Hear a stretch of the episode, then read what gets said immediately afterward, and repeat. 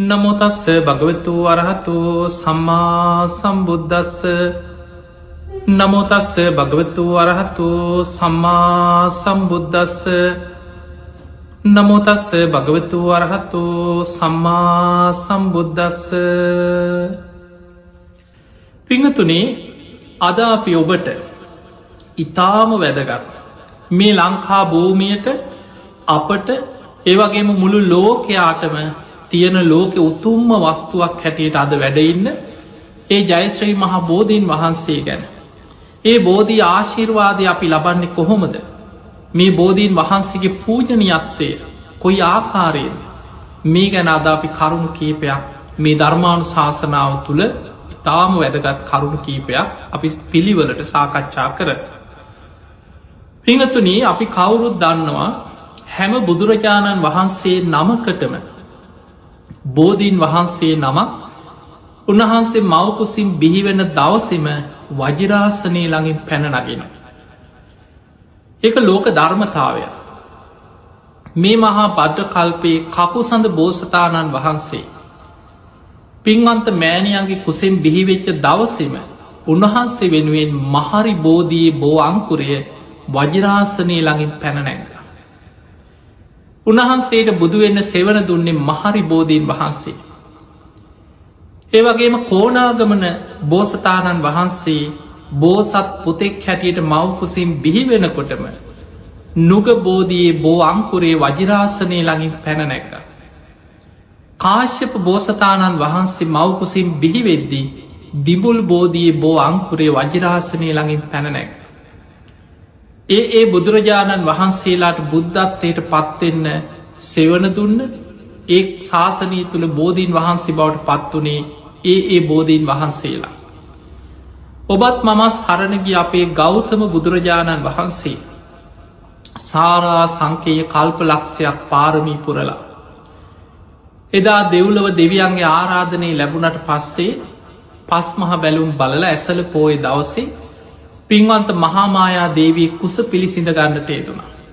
හරියටම මාස දහයක් මවකුසේ වැඩිලා වෙසක් පුන් පොහෝ දවසේ ලුම්මිනි සල් වනේ පින්වන්ත මහාමායා දේවිය කුසින් අපේ බෝසතාණන් වහන්සේ බෝසත් පුතෙක් හැටියට බිහිවෙන වෙලාවෙම අපි ධර්මී කියන්නේ සහජාත වස්තු එකම දවසේ එකම මොහොතේ මේ ලෝකෙ පහළ වෙච්ච සහජාත වස්තු කියලා කියනවා ඒ තමයි බෝසතාණන් වහන්සේ උපදින වෙලාවෙමයි බුද්ධගයා වජරාසනය ළඟින් ඇසතු බෝධී බෝ අංකුරේ පහළවෙන්. එදා ඒ මොහොතෙමයි යසෝදරාවගේ උපතත් සිද්ධ වෙන්නේ. ඒ වගේම චන්න ඇමතිය කන්ත කසුගේ උපතත් සිද්ධ වෙන්නේ එදා ඒ මොහොතේමයි. අපේ බෝසතාණන් වහන්සේ වසර විසි නමයක් රාජ කුමාරයෙක් හැටියට ගිහි ජීවිතය ගත කරා.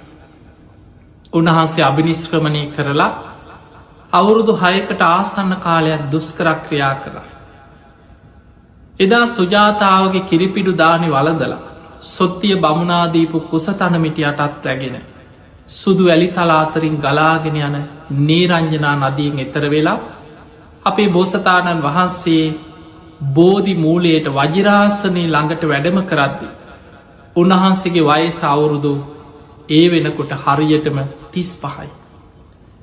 වෙසක් පෝය දවස තමයි උන්වහන්සේ සියලු කෙලෙසුම් ප්‍රහාණය කළ සම්බුද්ධත්වයට පත්වේ. උන්වහන්සේ වෙනුවෙන්ම වජිරාසනය ළඟින් පැනනැග බෝධීන් වහන්සේගේ වයසත් හරියටම අවුරුදු තිස් පහයි. එදා කුසතන් අරගෙන ගිහිල්ල මේ බෝධි මූලේ ඉස්සල්ලාම් අටුවාවල සඳහන් වෙන තොරතුරුමේ. උතුරු දිසාවට කුසතන එල මහපොලෝ කම්පාවට පත්වෙන. උන්වහන්සේට යම් වැටහීමක් ඇතිවෙනවා පෙර බුදුවරු උතුම් ධර්මය අවබෝධ කරානං උතුරු දිසාවට නොවී වැඩයි නැත්තේ. දකුණු දිසාවට කුස තනයිලන ඒ වෙලාවෙත් පොලෝ කම්පාවට පත්වේ. බටහිර දිසාවට කුස තනයිලනවා එතනදිත් පොලෝ කම්පාවට පත්වේ. නැගෙනහිර දිසාවට කුස තනයිලනවා කිසි වෙන සක්වෙන්න උන්හන්සේට වැටහෙනවා. එහෙම නං මා වැඩ සිටිය යුතු දිසාව නැගෙනහිර දිසාවට මුහුණලා උන්වහන්සේ ඒ භූමිය වජිරාසනය මත චතුරංග සමන්නාගත වීරියෙන් වැඩ සිටිය කියලා අපි අහලතිය. මේ චතුරංග සමන්නාගත වීරිය කියලා හඳුන්නන්න. උන්වහන්සේ දැඩි වීරයක් හිතර ගත්තා. මගේ ශරීරයේ සම්මස් වියලේවා. ඇටනහර පමණක් ඉතිරිවෙතොත් ඉතිරිවේවා. පුරුෂ වීරියෙන් පුරුෂ පරාක්‍රමින් යම් ධර්මයක් අවබෝධ කරගත යුතුද. ඒ උතුම් ධර්මය අවබෝධ කරගන්න නැතුව මැරුණත් මගේ ජීවිතයේ නැති වුණත් මං මේ ආසනයෙන් නැකිටින් නෑ කියන දැඩි අධිෂ්ඨාන. අන්නේ අධිෂ්ඨානයට කියනවා චතුරංග සමන්නාගත වීරී. එවැනි වීරියකින් වැඩ සිටිය නිසා ඒ ආසනයට කෙනව වජිරාසනය කියලා. ඔන්න ඔය ආසනයේ මත වජිරාසනය මත උන්වහන්සේ වැට ඉඳලා චතුරංග සමන්නාගත වීරියෙන් උන්වහන්සේ වැඩ ඉන්නකොට ඔබ දන්නවා මුලින්ම කලබල වනේ වසවර්ති මාරය දස බිම්බරක් මාර සේනා පිරිවරාගෙන ගිරිමේ කලාකි නැතු පිට නැගල. ඒ භූමියයට ඇවිල්ලා මහා බියජනක හඬ ඇති කරමින් උන්වහන්සේව ආසනය නැකිට්ටවන්න උත්සාහ කරා. නමුත් අපේ බෝසතාණන් වහන්සේ ශ්‍රී හස්තය පොළොවට තියලා පාරමී ධර්ම මෙනෙහි කරලා මහපොලොව මට සාක්ෂි දරනවා කියල උන්වහන්සේ සත්‍යයක් ක්‍රියා කර. පොළොවට ශ්‍රී හස්තේ තියලත් දිවුරුව. මහපොළොව ගිගරුම් දෙමින් කම්පාවන ඔබහන්සේට මෙතන වැඩයි අයිතියක් තියෙනවා. ඔබහන්සේ පාරමී සම්පූර්ණ කරගත්ත කෙනෙ. ඒ වෙලා අසවත්ති මාරය මාර සේනාවත් එක්ක සීසීකට පලාගයා කෙන. ඕක තමයි අපි ධර්මය හඳුන්නන්නේ අපේ බෝසතාණන් වහන්සේ බෝධි මූලයේ දසබිම්බරක් මාරසේනා පරාජය කරා කිය. දැන් උන්වහන්සේට කරදර කරන්න කවුරුවත් නෑ. අපේ බෝසතාණන් වහන්සේ ඒ වෙලාවේ ප්‍රාත්‍රී ආනාපාන සති භාවනා ඔස්සේ අර්බෝධීන් වහන්සේට පිටදීලා නැගෙන හිර දිසාවට මුහුණලා ආනාපාන සති භාවනා ඔස්සේ හිත සමාධිමත් කරගත්තා ඉක්මනින් උන්වහන්සගේ හිත සමාධියට පත් වුණ. පළවෙනි දිහානයට දෙවනි දිහානයට තුන්ගෙන දිහානයට හතරවෙනි දිහානයට හිත සමාධිමත් වුණ. හතරවෙනි දිහානයට සමාධිමත්වෙච්ච උන්වහන්සේගේ ඒකාග්‍ර මනසින් අපේ බෝසතාණන් වහන්සේ තාම් බුදු වෙලා නෑ. උන්වහන්සේ හිත යොමු කරා තමන් වහන්සේ ගත කරගෙන පෙරජීවිත දකිින්. උන්වහන්සේ හිත යොමු කරනවා සමගම පලවෙනි විද්‍යාව උන්වහන්සේට පහළ වුණ. ඒ තමයි පුබ්බේ නිවාසානුස්සති ඥානෙ. කල්ප ගණන් ආපස්සට තමන් ගත කරගෙනාපු සංසාර ජීවිත දකින නුවන් කල්ප ගණන් සංවට්ට විවට්ට කල්ප ගණන්. කෙලවරක් හොයන්න බැරි දීර්ග සංසාර ගමනේ ගෙවාගෙනාපු සංසාර ජීවිත උන්වහන්සේට වැටහෙන්ට පටන් ගත්තා. ඒ බෝධිමූලයේ පහළ වෙච්ච පළවෙනි විද්‍යාව. ඊළඟට අපේ බෝසතාණන් වහන්සේ රාත්‍රී දෙවනියාම හිතයොමු කරා මම වගේමද මේ ලෝක අනික් සත්‍යයෝ. ඒ අයත් මේ වගේ ඉපදමින් මැරමින් ඉපදමින් මැරමින් සතරාපායි වැටි වැටි යන ගමනක්ද. බෝධි මූලයේදී අපේ බෝසතාණන් වහන්සේට පහළ වෙච්ච දෙවනි විද්‍යාව තමයි චුතූප පාතඥානය චුත කියන්නේ කෙනෙක් ඒ ඒ සත්වයන් සත්ව ලෝකවලින් චුතවී. මනුස්්‍යය මැරෙනවා දෙවියන් චුත වෙන අමනුස්්‍යයන් චුත වෙනවා ඒ ආත්මවලින් සතුම් මැරෙන එතකොට අපි කියන මරණය කියලා චුතවී.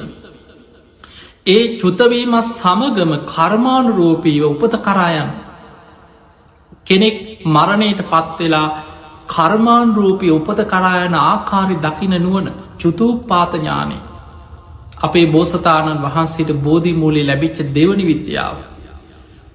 ඒ තුළින් උන්වහන්සේට දකින්න ලැබුණ මේ සංසාරික සත්වයන් සතරාපායි වැටි වැටි අන්ත දුක්විඳ විද යන සංසාර ගමන භයානක්කම. ඒ වෙලාවෙ තමයි කවදාද මේ ලෝකෙ සත්වයන් මේ ජරා මරණ දුකෙන් මිදෙන්නේ කියලා ජරාමරණවට හේතුව විමසන්න ගත්ත. අන්න උන්වහන්සේට වැටහෙනවා ඉපදීමක් නිසා ජරාමර නොයි විදිහයට පටිච්ච සමුපාදේ අනුලෝම වසයෙන් අවිද්‍යාව දක්වාම විමසගෙන විමසගෙන කිය. පටිච්ච සම්පාදය ප්‍රතිලෝම වසයෙන් විමසගෙන ගිය.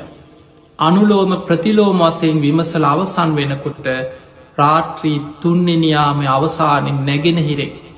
අරුණෝදය මතුවෙනවා සමගම උන්වහන්සගේ හිත සියලු කෙලෙසුන්ගේ සියලු ආශ්‍රවයන්ගෙන් මිදිලා මේ මහා බද්්‍රකල්පයේ හතරවෙනි බුදුරජාණන් වහන්සේ හැටියට සම්මා සම්බුද්ධත්වයට පත්වෙන. පිංහතුනේ ඔබත් මමත් සරණගි අපේ බුදුරජාණන් වහන්සේ සම්මා සම්බුද්ධත්වයට පත්වන ඔය ආකාරයට. අපේ බුදුරජාණන් වහන්සේ බුද්ධත්වයට පත්වෙලා සතියක් බෝධි මූලයේදිම සතියක් විමුක්තිසුව විඳමින් වැඩ සිටිය. ජයශ්‍රී මහා බෝධීන් වහන්සේ දෙව් මිනිසුන්ගේ වන්දනා ලබන්න පූජනීයත්වයට පත්වෙන්නේ ඔන්න ඔය හේතු කීපය නිසා. එකක් තමයි බෝසතාණන් වහන්සේ වෙනුවෙන්ම ඒ මොහොතෙම වජරාසනය ළඟින් පැනනැග බෝධීන් වහන්සේ. අපේ බුදුරජාණන් වහන්සේ බුදුවෙන්න බෝධියට පිටදීල තමයි චතුරංග සමන්නාගත වීරියෙන් වැඩ සිටි. ඒවගේම උන්වහන්සේ රාත්‍රී පළවෙනියාමි පුබ්බේ නිවාසානුස්සතිඥානි දෙවනියාමි චුතූපාතඥානි තුන්වෙනියාමි පටිච්ච සමුපාදය අනුලෝම ප්‍රතිලෝම වසයෙන් මෙනෙහි කරලා ඒ උතුම් ධර්මය අවබෝධ කරගෙන ලෝතුරා සම්බුද්ධත්වයට පත්වනේ ඒ බෝධි මූලේදී. ඒවගේම බුද්ධත්වයට පත්වෙච්ච බුදුරජාණන් වහන්සේ ආසනින්වත් නැකිටින් නැතුව. උන්වහන්සේ බුදු වෙලා සතියක් විමුක්තිසුව විඳමින් බෝධි මූලේම වැඩ සිටිය. බුදු කෙනෙක් යම් ආසනයක වැඩහිටියනම් යම් ස්ථානයක වැඩ සිටියනම් ඒක පාරිභෝගික වස්තුවක් පාරිභෝගික ධාතුන් වහන්සේ නමක් හැටියට හඳුන්නනවා. අපි ධාතුන් වහන්සේලා කියන වචනය ඇහෙනකොට ඔබට මතක් කෙන්නේ බුදුරජාණන් වහන්සේගේ ශරීරයේ අස්ති ධාතුන් වහන්සේල තමයි කෙනෙකුට මතක්කෙන එක කේෂ ධාතුන් වහන්සේ නම අස්තිධාතුන් වහන්සේලා. ඒ ධාතුන් වහන්සේලාට අපි කියන්නේ සාරීරික දහතුන් වහන්සේලා. ඊළඟට බුදුරජාණන් වහන්සේ පරිහරණය කරපු දේවල්වලටත් අපි කෙන දහතුන් වහන්සේ. බුදුරජාණන් වහන්සේගේ චීවරය අපි කියන්නේ බුදුහාන්දුරන්ගේ සිවර කියලනෙමේ ධර්මය හඳුන්නන්න චීවර දහතුන් වහන්සේ. බුදුරජාණන් වහන්සේ දානි වලඳපු පාත්තරේ අපි කියන්නේ බුදුහාන්දුරන්ගේ පාත්තරය කියලා. පාත්‍රා දහතුන් වහන්සේ හැටියට හඳුන්නනවා. බුදුරජාණන් වහන්සේ නමක් දියගෙන ගිය භාජනය පරිහරණය කරපු. ඩබරා දහතුන් වහන්සේ කියල හඳුරනු. බුදුරජාණන් වහන්සේ යම් ආසනයක වැඩ සිටියනම් මිනි පළග ඔබ දන්නවා ලංකාවට වැඩම කරලා මිනි පළඟ මත වැඩ සිටිය. බුදුරජාණන් වහන්සේ දේශනා කරාමේ මිනි පළඟ තැම්පත් කළ චෛත්‍යයක් හදර. ධාතුන් වහන්සේ නමක් හැටියට පරිහරණය කරපු දේ පාරිභෝගිකයි. ඒම නම් බුදුරජාණන් වහන්සේ බුදු වෙලා පලවෙනි සතියම බෝධි මූලේ විමුක්තිස්වෝ විදිමින් වැඩ සිටිය. ඒ බෝධිය පාරිභෝගික උතුම් පූජනය ධාතුන් වහන්සේ නමක් බවට පත් වුණ. පළවෙනි සති අවසානය දෙව් බමුන්ගේ සැකදුරු කරන්න බෝධි මූලෙන් අහසට පැනනැගල යමාමහ පෙළහර පෑවා කියල බහලතිය. මේ ජයශ්‍රී මහ බෝධියයට ඉහ ලහසේ වජිරාසනයට ඉහ ලහසෙ තමයි අපේ බුදුරජාණන් වහන්සේ යමාමහ පෙළහර පානට ේදුන. දෙවනි සතිය බුදු වෙලා දෙවනි සතියම බෝධීන් වහන්සේට නේත්‍ර පූජාවකින් පූජාවක් පැවැත්ව. අපි ධර්මී කියන්නේ අනිමිස්ස ලෝචන පූජාව කෙලො බහලතියෙන්. ඇසිපිය නොහෙලා දැන් අද තියෙන බෝධි පූජාවප නිකං හිතන්. අද අපි බෝධි පූජා කරනවා බෝධීන් වහන්සේට පුද පූජා කරන. අපි බෝධීන් වහන්සේට පැන් කලයක් අරගෙන ගිහිල්ලා බුදුගුණ කියලා අපි මේ විකාර පූජා ගැන නෙමේ කියන්නේ. සාමාන්‍ය සද්ධාවෙන් කරන බෝධි පූජා ගැන හිතන්. කෙනෙක් බෝ මළුව අතු පතු ගාල ඔන්න බෝ මළුවාමදිනවා. පිනම්. ඊළඟට මල්ලාසන සුද්ධ පවිට්ට කරනවා. නියම බෝධි පූජාවක් තියෙන ක්‍රමේ. පිනක් රැස් වෙනවා. ඊළඟට මල් පූජ කරත් ඒ මල් නිකන් තැන්තැන්ගොල විසි කරන්න නැතුව ලස්සනට පිළිවලට සකස් කරලා පූජා කරන්න හිත පහදින විදියට මල්වට්ටිය සකස් කරන්න. දැහැත් ගිලම් පස පූජා කරද්දි බොහොම ගෞරවී. ජියවමාන බුදුරජාණන් වහන්සේට පූජා කරනවා වගේ ගෞරවී පූජා කරන්න. ඊළඟට මිනිස්ව අපි දැකල තියෙනවා පැන් කල අරගෙන බුදුගුණ කිය කියා. බෝධීන් වහන්සේ වටා ප්‍රදක්ෂිනා කරලා බෝධීන් වහන්සේට පැන්වක් කරනවා. එදකොට කිරියාහාර පූජාවක් වේවා ඔය පැම් පූජාවේවා දානය පූජා කිරීම් වේවා ගිලම් පස පූජාවක් වේවා. ඔය සියලු බෝධි පූජාවල් අදාපි කරන පූජාවල් බොහොම ලේසි. ඔබ හිතන්න අපිට ප්‍රතිපක්තියක් හැටියට බෝධීන් වහන්සේ දෙස නෙත් යොමාගෙන අඩුගානෙ පැයක් පැය භාගයක් ඔබට ඇසිපිය නොහෙලා බලාගෙනන්න පුළද බෝධියති අඩුගාන විනාඩි දහය බෝධීන් වහන්සේ දෙස එක එල්ලේ එකම අරමුණකින් එකම අධිෂ්ඨානය බුදුරජාණන් වහන්සේ මේ බෝධිමූලේ වැඩඉන්නවා කියෙන අධිෂ්ඨානයෙන් හිතේ සද්ධාවෙන් බුදුගුණ සිහිකර කර බෝධිය දිහාම බලාගෙනන්න පුළුවන් දෙක ඉරියව්වේ. පැය භාගයක් අතින්න බෑ මනුස්සේකුට. ඇසිපිය නොහිලා අඩුගාන විනාඩි කීපයක් අත ඉන්න පුළුවන්කමක් නෑ. හැබැයි අපේ බුදුරජාණන් වහන්සේ බෝධියට කෘතගුණ සැලකීමක් හැටියට නේත්‍ර පූජාවකින් පූජාවක් පැත්ව එක අධිෂ්ඨාන පූජාව අනාගතයේ දෙව්මනිස් ලෝකයා වැඳුම් පිදුන් ලබනයේ උතුම් බෝධීන් වහන්සේට බුදුරජාණන් වහන්සේ සතියක් නේත්‍ර පූජාවකින් පූජාවක් පැවැත්ව. ඔන්න ඔය හේතු එක්ක බෝධීන් වහන්සේ ජයශ්‍රී මහා බෝධීන් වහන්සේ ඉතාම පූජනීයත්වයට පත්වෙන. අපේ බුදුරජාණන් වහන්සේ දේශනා කරනවා පාරිභෝගික බුදු කෙනෙක් පරිහරණය කරපු වස්තුන් ධාතුන් වහන්සේලා අතර ජයශ්‍රී මහා බෝධීන් වහන්සේම අග්‍රයේ කියල බුද්ධ දේශනාවක් සඳහන් වෙන අටුවාවල සඳහන් වෙන. පිංහතුන ඒ නිසා ජයශ්‍රී මහා බෝධීන් වහන්සේ ඒ බෝධීන් වහන්සේගේ දක්ෂින සාකා බෝධිය තමයි අද අනුරාධපුර මහමයවුණා උයනේ ලංකා භූමිය වැඩ සිටින්. මතකතියාගන්න ඒ බෝධයේ බෝ අංකුරයක් නෙමේ. බෝ පැලේකුත් නෙමේ බෝ ඇටේකින් හටගත්ත බෝ දල්ලකින් හටගත්ත ගහකුත් නෙමි. බුදුරජාණන් වහන්සේ බුදුවෙච්ච ඒ බෝධීන් වහන්සේගේ දක්ෂින සාකාව දකුණු පැත්ත විශාලම අත්ත. එහෙම කිවොත් ඔබට හොඳට තේරෙනවා දක්ෂින සාකාව කෙන දකුණු පස බෝ අත්ත. එතකොට මේක කොහොමද ලංකා භූමියයට ලැබුණේ අපි අද මේ ධර්ම දේශනාවදී ඔබට මේ ධර්මයේ සඳහන් වෙනේ අසිරිමත් විස්තරේ බෝධීන් වහන්සේගේ දක්ෂින සාකාව ලංකා භූමියයට ලැබි චාකාරය අපි කතා කර. පිංහතුනි මිහිදු මහරහතන් වහන්සේ ලංකාවට වැඩම කරලා.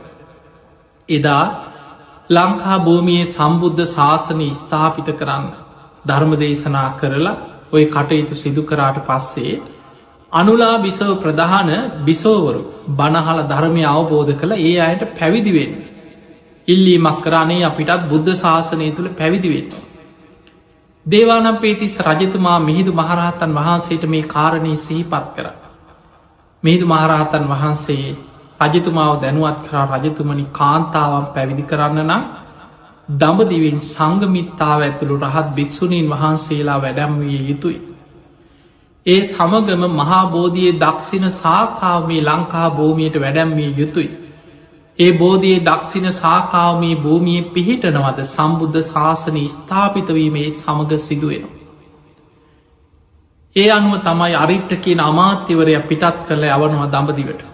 දැම් මේ කාරණයේ ධර්මාසෝක රජ්ජුරුවන්ට දැනුවත් කරා මේ අමාත්‍යවරය හරහා සංගමිත්තාව ඇතුළු රහත් භික්‍ෂුණීන් වහන්සේලා ලංකාවට වඩම්මන්නත් ජයශ්‍රී මහා බෝධී බුදුරජාණන් වහන්සේ බුදුවෙච්චේ උතුම් බෝධීන් වහන්සේගේ දක්ෂින සාකාව ලංකාවට වඩම්මන්න.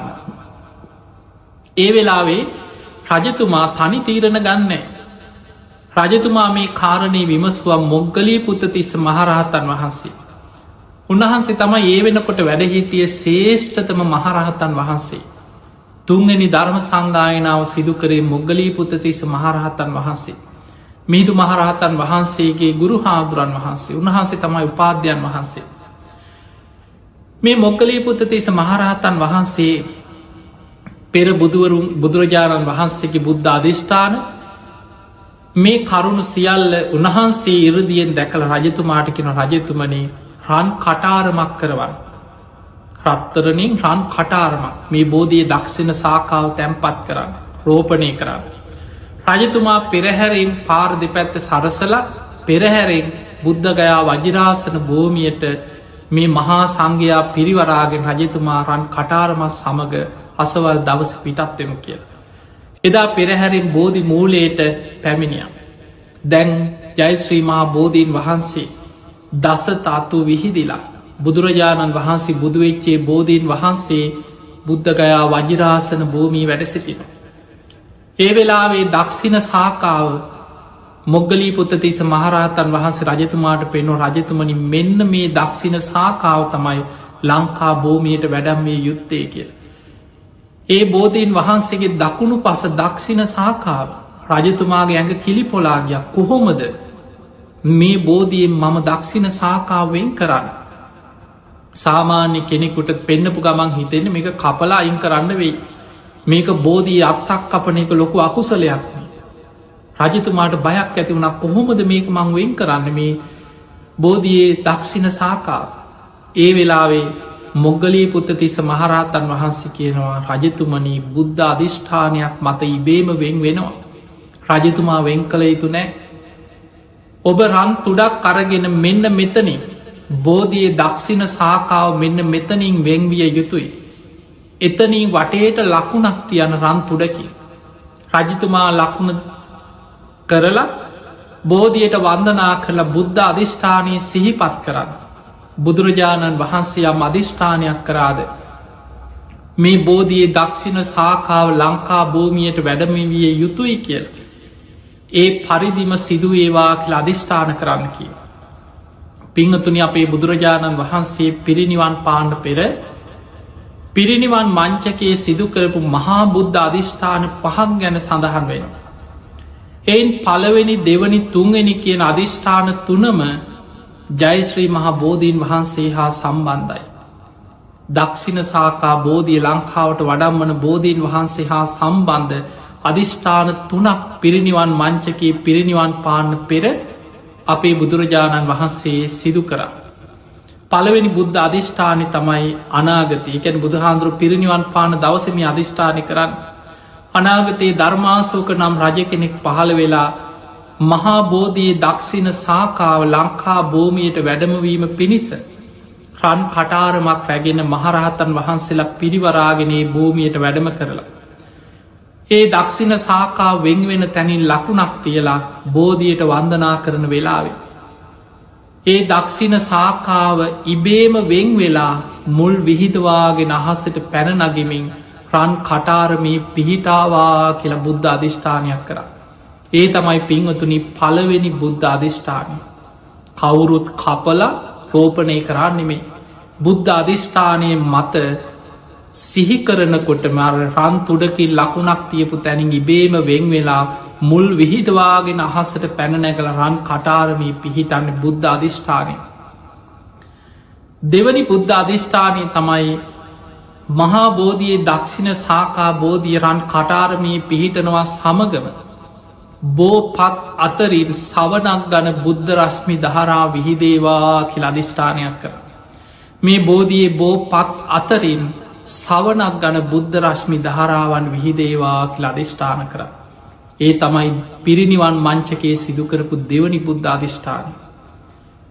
තුන්ගනි අධිෂ්ඨානය තමයි දක්ෂින සාකාව කටාරමී පිහිටියට පස්සේ රන් කටාරමත් සමගම බෝධීන් වහන්සේ අහසට පැනනැගලා.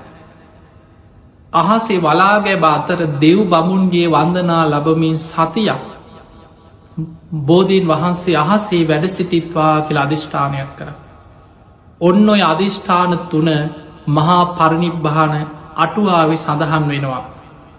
අපේ බුදුරජාණන් වහන්සේ පිරිනිවන් පාන් පෙර පිරිනිවන් මංචකයේ සිදුකරපු මහා අධිෂ්ඨාන හැටිය. පිංවතු නියදා ධර්මාසෝක රජතුමා රන් කටාරම රැකෙන බෝධීන් වහන්සේ අසලට පැමිණිලා ඒ අධිෂ්ඨානය සිහි කරලා බෝධියයට වඳනකොට. ඒ බෝධිය අනෙක් බෝධි ශාකා එක පාට නොපෙනේ ගිහිල දක්ෂින සාකා බෝධිය පමණක් පෙනේ හිටිය. සැනින් රන් තුඩෙන් ලකුණක් තියපු තැනින් දක්ෂින සාකාව ඉබේම වෙන් වෙලා මුල් විහිදවාගෙන අහසට පැනනැගල රන් කටාරමී පිහිටිය. රජතුමා ඇතුළු සියලු දෙනා මුළු ඇඟම කිලිපොලාගයා සාධකාර දුන්න පුදුමස් ප්‍රාතිහාරයක් බෝධීන් වහන්සගේ මේ පෙළහර දැකළ. ඒ වෙලා ධර්මාසෝක රජතුමා මුළු දඹදියු තලේම තමන් එක්සේ සත්කරපු අධිරාජ්‍යයෙක් හැටියට දඹදියු රාජ්‍යම ඒ මහා බෝධියට දක්ෂින සාකාවට මං පූජා කරනවා කියලා තමන්ගේ රාජ්‍යම බෝධීන් වහන්සේට පූජා කරා. ඊළඟට බෝධීන් වහන්සේගේ බෝපත් අතරින් දෙවනි බුද්ධ අධිෂ්ඨානයට අනුව සවනක් ගන බුද්ධ රශ්මි දහරා විහිදෙන්න්න පටන්ගත්. ඊළඟට රන් කටාරමත් එක්කම බෝධීන් වහන්සේ අහසට පැන්නැගල. අහසේ වලාගේ බාතර රැඳමින් සතියක් අහසේ දෙව් බමුන්ගේ වන්දනා ලැබවා කියල අපේ ඉතිහා සඳහන් වෙනවා. සතිය අවසන් වෙනකොට ටික ටික ටික ටික බෝධීන් වහන්සේ පොලෝ මට්ටමට වැඩම කරා. ඒ බෝධීන් වහන්සේ සහිතරන් කටාරම පිළිගෙන බොහොම ලස්සන්ට සකස් කරපු රතයක තැම්පත් කරලා පෙරහැරෙන් වඩම්මගේ නැවිල්ලා ගංගානං ගඟායිනේ නැවක බෝධයේ දක්ෂිණ සාකාව තැම්පත් කරලා රජතුමා ඇතුළු පිරිස ගංයවුර දිගේ සමාන්තරව ගංගානන් ගඟ මුහුදට වැටෙන තැන දක්වායනවා. අර නැවේ බෝධීන් වහන්සේ සහිත නැව ගඟදිගේ මුහුද අයිනට එනකං ඇවිල්ල එතනදීත් බෝධීන් වහන්සේ ආපහු අර නැවෙන් රැගෙන මණ්ඩපයක් මත තැම්පත් කරලා යළිත් දඹදිව රාජ්‍ය පූජාක් නොය විදියට තුන් වතාවක් ධර්මාසෝක රජතුමා ජයශ්‍රී මහා බෝධීන් වහන්සේගේ දක්ෂිණ සාකා බෝධියට දඹදිව් රාජ්‍යම තුන් වතාවක් පූජා කරා කළ ඉතිහා සඳහන්වෙන්. ආපහුවේ බෝධීන් වහන්සේ නැවේ තැම්පත් කළ රජතුමා කියනවා හරිට අමාත්‍යවරයට කියනවා ඔබගේන් මා හිතමිට්ට රජතුමාට දේවානම් පේතිස් රජතුමාට කියන්න මේ දඹදිව් රාජ්‍ය ජයශ්‍රී මහා බෝධීන් වහන්සේට තුන් වතාවක් මං පූජා කරා. ලංකා රාජ්‍යත් මේ බෝධීන් වහන්සේට පූජා කරමින් පූජා පවත්වන්න කියලා දේවානම් පිතිස් රජතුමාන් දැනුවත් කරන්න කිය. එහෙම කියලා බෝධීන් වහන්සේ නැවේ තැම්පත් කරලා සංගමිත්ත ඇතුළු රහත් භික්‍ෂුණීන් වහන්සේලා ඇතුළු පිරිසත් සමග මේ නැව මුහොදට සේන්දු වෙලා නොපෙනී යනතෙක්ම රජතුමා සාධකාරදිදී ඇස්වල කඳුළු වගුරෝමින් සාධකාර්දමින් බලාගෙන හිටිය කළ ඉතිහා සඳහන් වෙන. දැම් මහා සාගරෙන් බෝධීන් වහන්සේ රැගෙන පැමිණෙනකොටත් හරිම අසිරිමත් දේවල් සිදු වෙලාතිය. ඒ තමයි ඔබ දන්නවා මේ මහා සාගරය අපේ ඇස් දෙකට නොපෙනෙන ධර්මය සඳහනට දැන් අපි දකින්න ඔය මුහද පීනන මාලු නොයෙක් සත්තු ගොරෝසු ශරීර ඇති සත්තු තමයි අපි දකි. හැබැයි මහා සාගරය ඉන්නවා අමනුස්යෝ ධර්මී සඳහන් වෙනවත් තිමි තිමංගල තිමිරපින්ඩල නාග අස්සුර ගාන්ධර්ව කියල අමනුස්යෝ ගැන. තිමි තිමංගල තිමිරපින්ඩල නාග අසුර ගහන්දර. මේ අයි අමනුස්ස වර්ග මනුස්්‍යය නෙමේ මාලුත් නෙමේ. එදකොට සාමාන්‍ය මෝද ඉන්න අර ඇහැට පේන සත්තු නෙමේ. සමහර අයගේ ශරීර යොදුන් සීයක් විශාලයි කිය. සමහරයගේ ශරීර යොදුන් දෙසීය තුන්සිය විස අපිට හිතාගන්න බෑ. මහා මුහුද විමාන කරගෙන අමනුස්ස විමාන තියෙනවාකි. ඒ අතර මුහුදෙන් මතුවෙච්ච යුගන්ධන පර්වතය වෙලාගත්ත නාගලෝක නාග විමාන ගැන සඳහන් අපේ ඇස්වලට පේන දේවල්නෙමේ.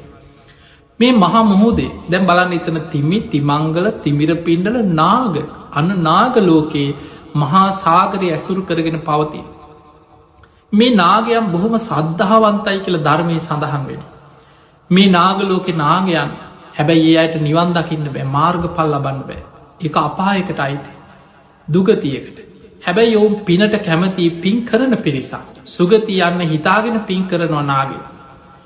ඒ නිසා මේ නාගයෝ අර බෝධීන් වහන්සේගේ දක්ෂිණ සාකාව රැගෙන මහා සාගරින් වඩිනකොට නැව මුහුද දිගේ එනකොට නාගලෝක නාගයක් කල්පනා කරා බෝධිය පැහැරගෙන නාගලෝකට ගෙනනිච්චෝ.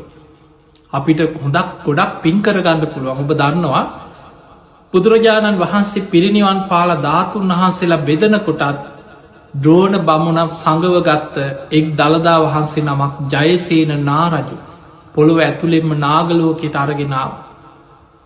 අද පොළොන් අරුවේ සෝමාවතී මහා සෑයි තැම්පත් වෙලා තියනෙ දකුණු දළදා වහන්සේ නාලුව වැදුම් පිදුම් කරපුයේ දළදා වහන්සේ.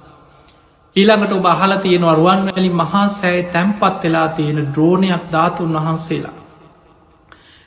ගංගානන් ගඟදිගේ එතනත් ගං යුර අයිනේ ප්‍රාමගාම නගරෙ කෝලිය රජදරුව චෛත්‍යයක් හදලා ධාතුන් දහන්සේලා තැම්පත් කළ තිබුණේ.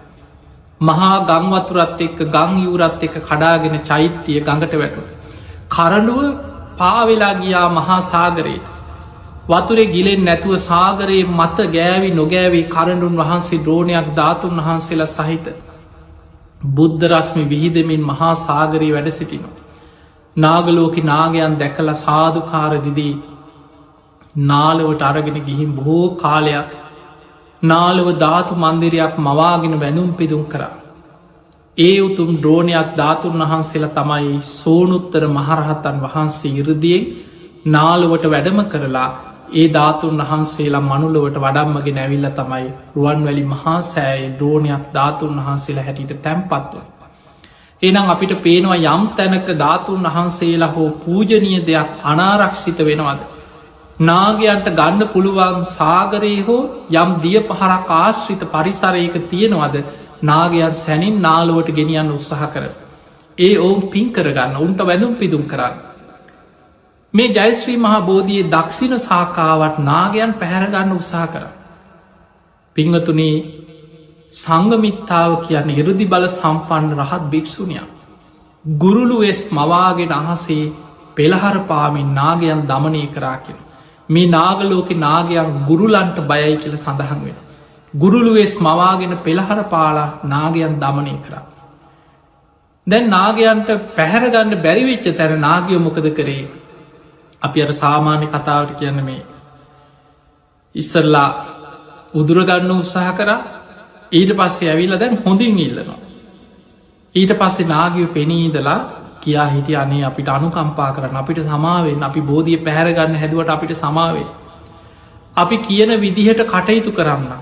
අපිට නාලවට මේ බෝධීන් වහන්සේ වඩම්මල වැදුම් පිදුම් කරල අපේ නාග රාජ්‍යත් බෝධියයට පූජා කරන්න අපිට අවසර දෙන්න. අපිට සතියක්කත් අවස්ථාව දෙන්න කියලා ඉල්ලීමක් කර. ඉර්දි බල සම්පන්න සංගමිතා රහත් භික්‍ෂුනිය මේ බෝධියට නාගයන්ගෙන් අනතුරක් නොවෙන බවත්. ආපහු පොරොන්දු පරිදිම මේ නැවේ තැම්පත් කරන බවත් දැනගෙන සතියක් නාලවට බෝධීන් වහන්සේ වඩම්මන් අවසර දෙනවා. ලංකාවට දමදිව ඉදං ජයශ්‍රී මහා බෝධයේ දක්ෂිණ සාකා බෝධීන් වහන්සේ වඩින අතරතුර සතියක් නාලුවට නාගයන් අරගෙන යන. ඒ නිසා තමයි අදටත් බෝධි පූජා කවිවල බෝධීන් වහන්සේ වදින කවිවල තියෙන්නේ සතියක් නාලුව පුදලද බෝධිය කියලා අපි වන්දනා කරන්න. සතියක් පුරා නාගයම් පුද පූජා කරලා. නාග රාජ්‍යම බෝධීන් වහන්සේට පූජා කරලා. රන් කටාරම සහිත බෝධීන් වහන්සේ ආපහු පොරොන්තු පරිදි නැවේ තැන්පත් කර. ඊට පසුවදා තමයි දඹකුල පටුනට මේ නැවසේද්දුවෙන්. බෝධීන් වහන්සේ වඩිද්දී බෝධීන් වහන්සේ පිළිගන්න මිහිදු මහරහතන් වහන්සේ ඇතුළ මහරහතන් වහන්සේලා එදා රජතුමා දේවානම් පෙතිස්ස රජතුමා ඇතුළු රාජකය පිරිස ඒ භූමියයට ගිහිල්ල හිටිය. මේ නැව ගොඩබීම ළඟට එනකොට රජතුමා කරවටක් වතුරට බැහැලා සාධකාරදිදී ක්‍රන් කටාරම් පිරිසත් එක්ක පිළිගත්ත කිය.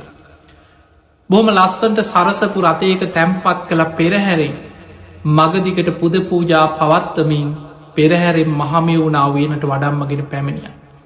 මේ මහමෙවුණා වයනට වඩම්මගෙන පැමිණිලා පිංහතුනේ මහමෙවුණා උයනේ ජයශ්‍රී මහා බෝධීන් වහන්සේ රෝපණය වීමත් හරි මාශ්චරය. ඒත් ඒ තමයි අපේ මහාවන්සේ අපේ ඉතිහාස පොද්දිහා බලනකොට සඳහන් වෙනවා පෙර කකුසඳ බුදුරජාණන් වහන්සේගේ මහරි බෝධියයේ දක්ෂිණ සාකාවත් මහමෙවුණා උයන අද ජයශ්‍රී මහා බෝධිය පිහිටපු තැන පිහිටල තිබිලතින ඒ කාලේ. කෝනාගමන බුදුරජාණන් වහන්සේ බුදුවෙච්ච දිබුල් බෝධිය දක්ෂිණ සාකාවත් ලංකා භූමී මහමෙවුණාව යනේ එතන ඒ කාලි පිහිටල තිය. කාශ්‍ය බුදුරජාණන් වහන්සේ බුදුවෙච්ච දිමුල් බෝධිය එ නාබෝධී දක්ෂිණ සාකාවත් පිහිටලතිය. එතකොට අපිට පේනවා පෙර බුදුවරුන්ගේ බෝධීන් වහන්සේලාත් අනුරාධපුර මහමයවුණාව යන පිහිට ලතිබිල තියෙන. මේතු මහරහතන් වහන්සේ රජතුමාට කියනවා රජතුමනී මෙන්න මෙතනයි පෙර බුදුවරුන්ගේ මහා බෝධීන් වහන්සේලාගේ දක්ෂිණ සාකා පිහිටපු භූමිය. අපේ ගෞතම බුදුරජාණන් වහන්සේ බුදුවෙච් ඇසතු බෝධිය දක්ෂිණ සාකාවත් පිහිටන තැන මෙතනයි. රජතුමා මෙතන රන් කටාරම සහිත මේ පෙරහැරෙන් මෙතනට වැඩම කරලා ඒ බුද්ධ අධිෂ්ඨාන සිහිපත් කරලා අපි වන්දනා කරම. ඒ බෝධීන් වහන්සේ බේම පෙළහර පාලා එතන පිහිටයි කියලා රන් කටාරම සහිත බෝධීන් වහන්සේ එතන තැම්පත් කරලා බුද්ධ අධිෂ්ඨාන සිහිපත් කළ වන්දනා කරා. පිංහතුනේ ලංකා භූමියේදී බෝධීන් වහන්සේ පෙළහර පාමීන් රට් කටාරමත් සමඟ හසට පැනනැග. එදා දවසම අහසේ දෙව් බමුන්ගේ වන්දනා ලබමින් වැඩ සිටලා ටික ටික ටික ටික පොලෝ මට්ටමට වැඩම කරලා පෙර බුදුවරුන්ගේ බෝධි ශාකා පිහිටි තැනම පිහිටිය. ජයශ්‍රී මහා බෝධිය දක්ෂින සාකාව පිහිටනවා සමගම මහපොළො ලංකා භූමියම කම්පාවට පත්වෙන. ආලෝක ධාරා විහිදිලා කියා කෙනොත් දෙව්ලෝට පවා. ඔය විදියට තමයි ජයශ්‍රී මහා බෝධීන් වහන්සේගේ දක්ෂින සාකා බෝධිය ලංකා භූමිය පිහිටන්. පිංහතුනී දැන් බෝධීන් වහන්සේගේ දක්ෂින සාකාව එදා මහමෙවුණා උයනේ පිහිටනවා සමගම විශාල වලාකුල් ප්‍රමාණයක් හිතාගන්න බැරවිදියට ටික ටික පහලට ඇවිල්ලා බෝධීන් වහන්සෙත් ඒ භූමියත් වැසී ගිය. මේදු මහරහතන් වහන්සේ කියනෝ රජතුමනි සතියක් යනකම්. වැස්ස වලාහක දෙවියන් සමඟ දෙවියන් මේ බෝධීන් වහන්සේට වැසි ඇදහැලෙන්න සලස්සමින් පූජා පවත්තන. සතියකට පසුව බෝධීන් වහන්සේ දැක වන්දනා කරගන්න නගරෙම සරසල පෙරහැරෙන් අපි එමු කිය බෝධි පූජාවක්තිය. රජතුමා ඇතුළු සියලු දෙනා පිටත් වෙලා ගයා මිහිදු මහරහතන් වහන්සේක මේ ඉල්ලීම පිළිගෙන. සතියක් මහාවැසි ඇදහැලෙමින් පොලෝ මට්ටමටම වලාකුළු වැඩම කරලා බෝධීන් වහන්සේ වසාගෙන වැසි ඇදහැරුණ කියල සඳහන්වය. සතියකට පසුව පෙරහැරේ මුළු නගරෙම සරසලා ඒ වෙනකොට මහාබෝධිය දක්ෂිණ සාකා වඩම්මපු මේ පින්කමට උත්සවයට ලංකා භූමිය පුරාම ප්‍රාදේශීය පාලක රජවරු ලංකාභූමිය පුරාම හිටිය බොහොම ශේෂ්ඨ පූජනීය පුද්ගලයෝ ඒ වෙනකොට හිටපුයි මේ හැමෝම බෝධීන් වහන්සේගේ මේ පින්කමට අනුරාධපුරයට පැමිණිලා හිටිය. මේ සියලු දෙනා මිහිදු මහරහතන් වහන්සේ සමඟ පෙරහැරෙන් මහමෙවුණා උයනට වැඩම කරා. ඒ වැඩම කරපු වෙලාවේ දැන් වලාකුළු ඉවත් වෙලා බෝධීන් වහන්සේ හොඳට දර්ශනය වෙනවා මහා බෝධිය මහමෙවුණා වයන පිහිටල තියෙන ආකාරය. එතනදී මල් පූජා කරල සාධකාර දෙමින් වන්දනා කරද්දී මේ බෝධීන් වහන්සේගේ බෝ පල බොහොම හොඳට මෝරල වැඩිච්ච බෝ පල කීපයක් තිබුණ. ඒ පලවෙනිම මේ බෝ පලේ මිහිතු මහරහතන් වහන්සේ අධිෂ්ඨාන කළ අතට ගත්ත. අරගෙන උන්වහන්සේ අධිෂ්ඨාන කළ රජතුමාට දුන්න රජතුමනි මේ බෝ ඇටේ බෝ පලය මේ රන් කටාරම තුළ මේ පස්වලින් වහල රෝපණය කරන්න ඔබේ ඇති. මීදු මහරහතන් වහන්සේ අධිෂ්ඨාන කරලා අරදීපු එක බෝ පලය රෝපණය කරනවා සමගම හරි මාශ්හරිමත් දෙයක් සිද්ධ වුණ. එක බෝ පලය අටට බෙදිලා බලාගෙනින් නැද්දි පුංචි දළුරිකිලි දාමින් බෝ අංකුර අටක් හටගත්තා.